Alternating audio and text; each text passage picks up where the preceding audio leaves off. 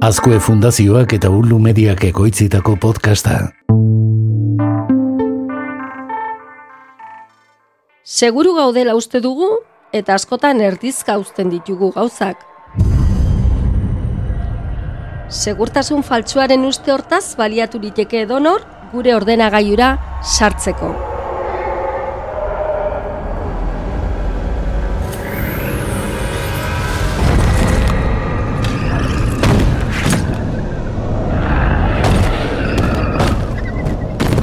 Mother of God.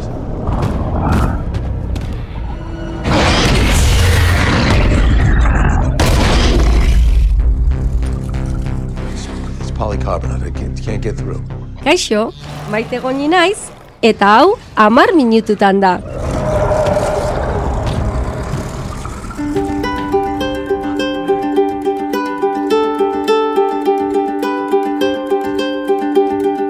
Amar minututan. Maite goinirekin.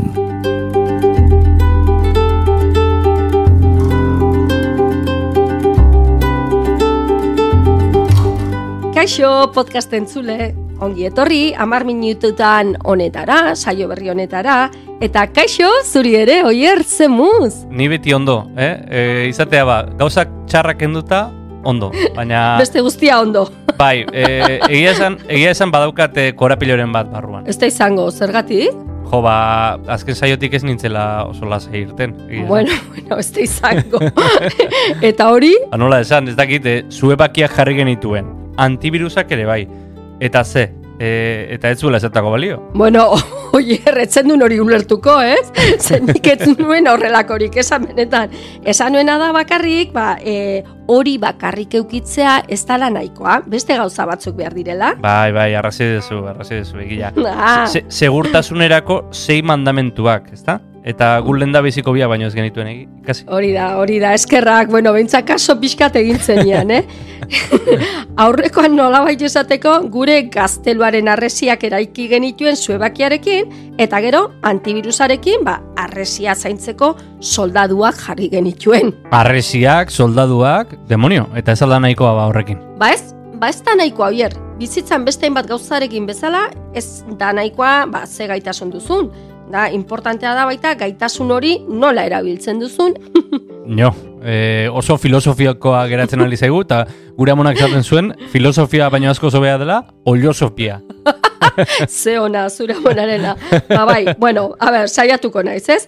E, azken finean esan nahi dudana da, erabili, e, e, ikasi behar dugula nola erabili tresna hauek, ez? Zehazki esateko, segurtasun kopiak, eguneraketak nola egin, eta baimenak behar ditugu. Ordun gaur itzengo dugu, segurtasun kopien, eguneraketen eta baimenen inguruan. Hori da. Eta nolabait esateko, ba, gue- jarraituz, e, esaten ari garen honekin, ba, gure arresia eta soldaduentzat araua jarri, entrenatzen jarraitu, eta armak ematea bezala izango litzateke. Zeirutzen? Oso militarra geratu zaigu, ezta? bueno, ja, baina badakizu, oier, zibis pacem parabelum, ez? Bakea nahi balin baduzu, prestatu zaitez gerrarako.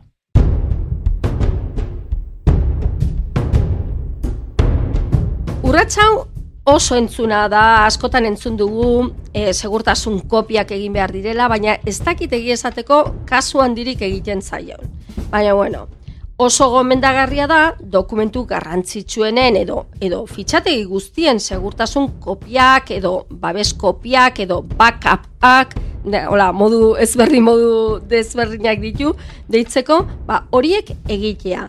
Eta nun egin ditzakegu edo nola? Ba, erabil dezakegu kanpoko disko gogor bat edo USB memoria bat, ze gaur egun ba, USB memoriak nahiko merkeak dira eta gaina ba, gaitasun handia dute hor bertan ba, e, pisu handiko dokumentuak eta bar ba, e, kopiatzeko memoria txarteletan edo e, gaur egun ere oso ohikoa da odeian e, biltegiratzea segurtasun kopiak.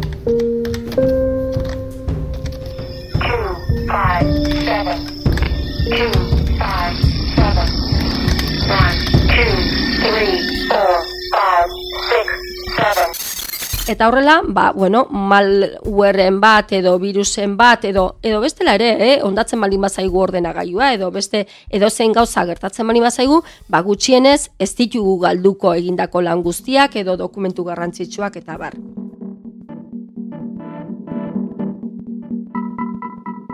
Segurtasun kopia hoiek egiten bali ditugu, e, ba, erraza izango da, e, aurreko egoerara itzultzea, ba, horrelako zoritxarren bat gertatuz gero. Hori, e, irugarren urratsa izango itzateke ikusten duzuen bezala, nahiko horrixa da. Laugarrenera pasatuz, ba, eguneratzeak, ba, zer da hori ez, ba, segurtasun kopiez gain, e, eguneraketak egitea, ba, beharrezkoa da.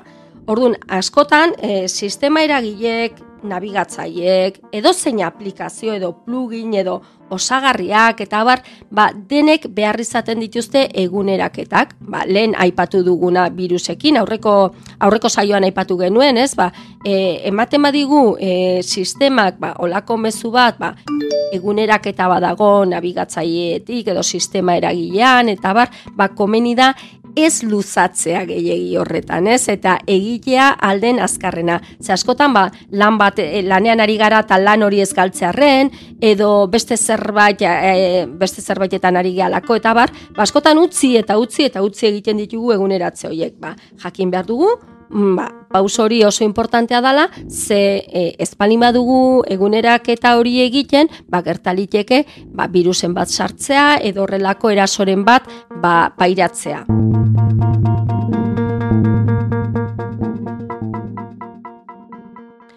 Eta beste pausatxo bat izango itzateke, ba, baimenak mugatzea. E, hau, e, nola azaldu, ba, bueno, ordenagailu batek, e, ordenagailu batean, baimen ezberdinak ezar ditzakegu. Orduan, e, baimen horiek emango diote erabiltzaile zehatz horri, mota zehatz horretako erabiltzaileari, ba, iristeko edo e, ezabatzeko, edo ikusteko, edo editatzeko, ba, fitxategi batzuk eta beste batzuk ez, edo sartzeko ordenagailuko e, toki konkretu batera. Ordun, ordenagailua modu antolatu eta seguruan erabiltzeko, ba, baimenak mugatzen baldin baditugu, ematen du eraz, errazagoa izango dela kudeatzea ordenagaia. Ordun, hor jakin behar dugu askotan hori enpresetan eta eskoletan eta gertatzen dela, ez? Denok ez dugu administrari edo administratzaile baimena, ba, irakasleok askotan izaten ditugu, ba, bestelako ba, erabiltzaile arruntaren baimenak eta barrez, eta hori gertatzen da, ba, lehen azaldu dudan hori ez gertatzeko, ba, denok ez guteko ba, erraietara edo ez ezabatzeko dokumentu importanteak eta bar. Orduan, normalean profilak izaten dira edo erabiltzaile kontu ezagunenak izaten dira administratzailearena, estandarra, e, erabiltzaile arrunta, gonbidatua eta adin, e, adin txikikoentzat edo beste profil bat. Eta ordun e, hoien baitan egin izango ditugu gauza batzuk eta beste batzuk ez. Ordun normalena da e, erabiltzaile administratzaileek ditu ba, baimen guztiak e, eta berak kudeatzen ditu besteen baimenak. Eta gero, normalean, e, ba, etxean eta daukagun e, ordenagailu batean, ba, normala izango itzateke beste guztiok, ba, e, erabiltzaile arruntaren e, rola eukitzea.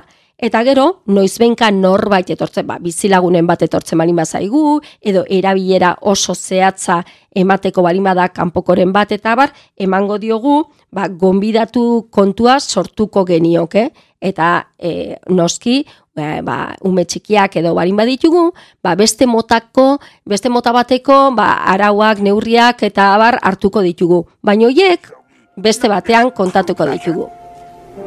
You must feel the force around you. Here, between you, me, the tree, the rock, everywhere. Yes, even between the land. Ara, zientziarekin gemitza lauzen unik, e, orain zer, misteriozko podcast bat bihurtu da amar minututan, bapatean? Teknologia utzita esoterismoaren alde ilunera pasako zara maite? Ez esageratu ezen oier. ez, ez, ez da gutxiago ere. Mustro eta piztietatik ies egiteko botere magikoak behar ditugu, ala, ala ze de Montre. Ez, lasai, teknologia soilik erabiliko dugu. Oso ondo, oso Baina jodak jarraitzu zorrekin arrazoi apur bat ere baduela onartu beharra daukagu, eh, oier? Ze hain zuzen gure babes neurri garrantzitsuena gugan dagoena da. gugan dagoena? Bai, beti ere erabilera egokia hemen ez gero, noski. Horretan denok izan gaitezke jedai. Gure sena, senona, jarraitu besterik ez dugu. This is the way. This is the way. This is the way. Arrisku gehienak saiestu daitezke oinarrizko neurri batzuk hartuta. Ba, e, adibidez, lehenengo gomendioa litzateke, ba, e, beti eguneratuta egotea, e, orduan izan dezakegu referentziazko webgune bat, inzibe, bezala, adibidez, edo e, lagun informatikari bat. Hau da, edo zerk balio du, baina importantea da gu ere proaktiboak izatea ba, segurtasun kontuetan. Bigarren gomendio izango litzateke, kontu zibiltzea jasotzen ditugun mezuekin. Bai WhatsApp bidezko mezuetan edo posta elektronikoz jasotzen ditugunekin.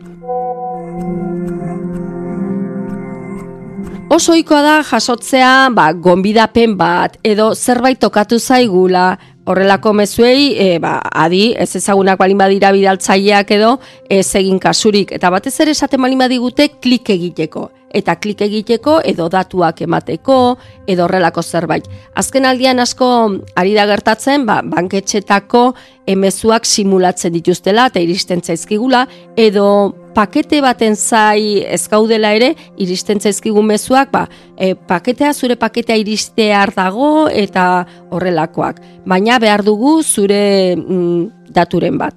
Ordun horrelakoetan beti mesfidati jokatu eta inoiz ez egin klik mezuan barruan. E, e, ordun zer egin dezakegu? Ba, egin e, ba, paketeria sisteman bat balin bada edo banketxe batena, ba jo zuzenean iturrira. Ze askotan iristen daizkigu, ba, gureak ez diren banketxetako mezuak. Ordun horrie horiek guztiekin kontu handi zibili behar da. Beste bat oso tipiko izaten da, ba, azkar egiteko gauzak, ez? Orain eguneratu edo kontua itxiko dugu eta horrelakoak, hoiek ere, ez errez.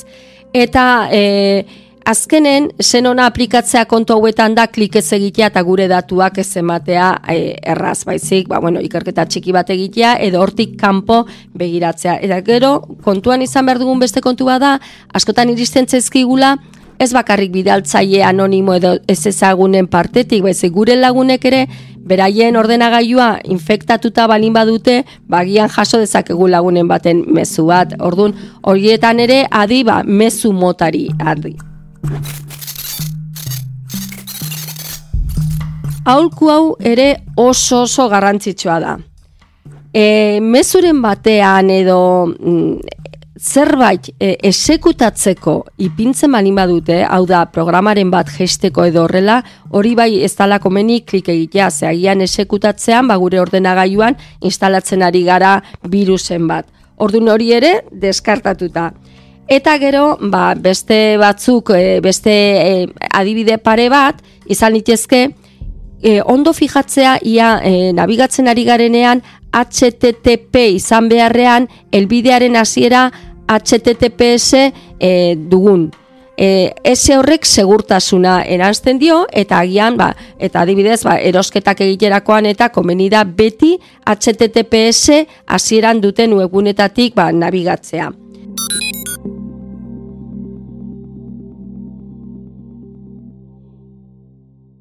Azkenik kontu handia izan gaiu publikoak erabiltzean, eta batez ere wifi sare publikoetara konektatzean. Zer esan nahi dugu honekin?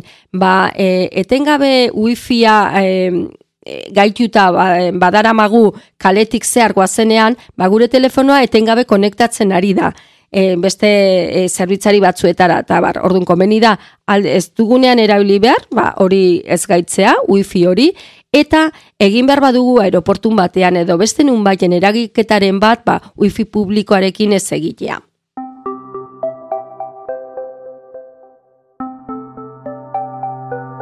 Tira, tira, tira, ni e, nire e, kuadernotxoan nahi naiz dena apuntatzen, ze gauza pila bat dira, eta erne ibili behar gara. Bai, bueno, ez ditu dena kontatu, ez, e, Mm. luzegia izango itzateke, baino egie da, esan ditugun hauek, ba, ba, bueno, oso aplikagarriak direla, eta erraza da horiek ba, jarraitzea. Nik e, aurreko saioan esan izun bezala, eta lasaitze aldea, e, esan dezakegu honekin guztiarekin ja salbu gaudela.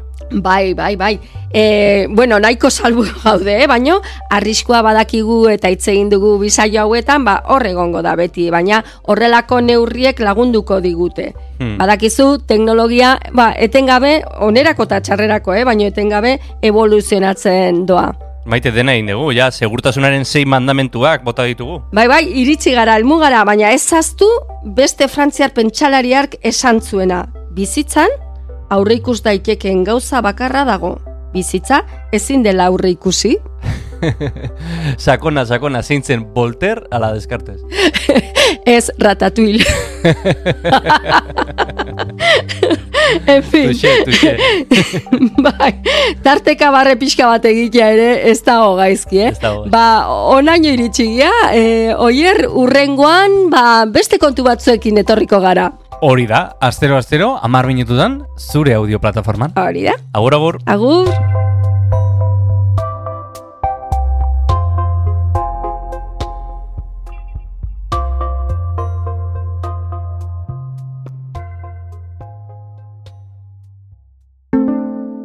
Azkoe fundazioa. Ei, txt, entzun hori. Ulu media.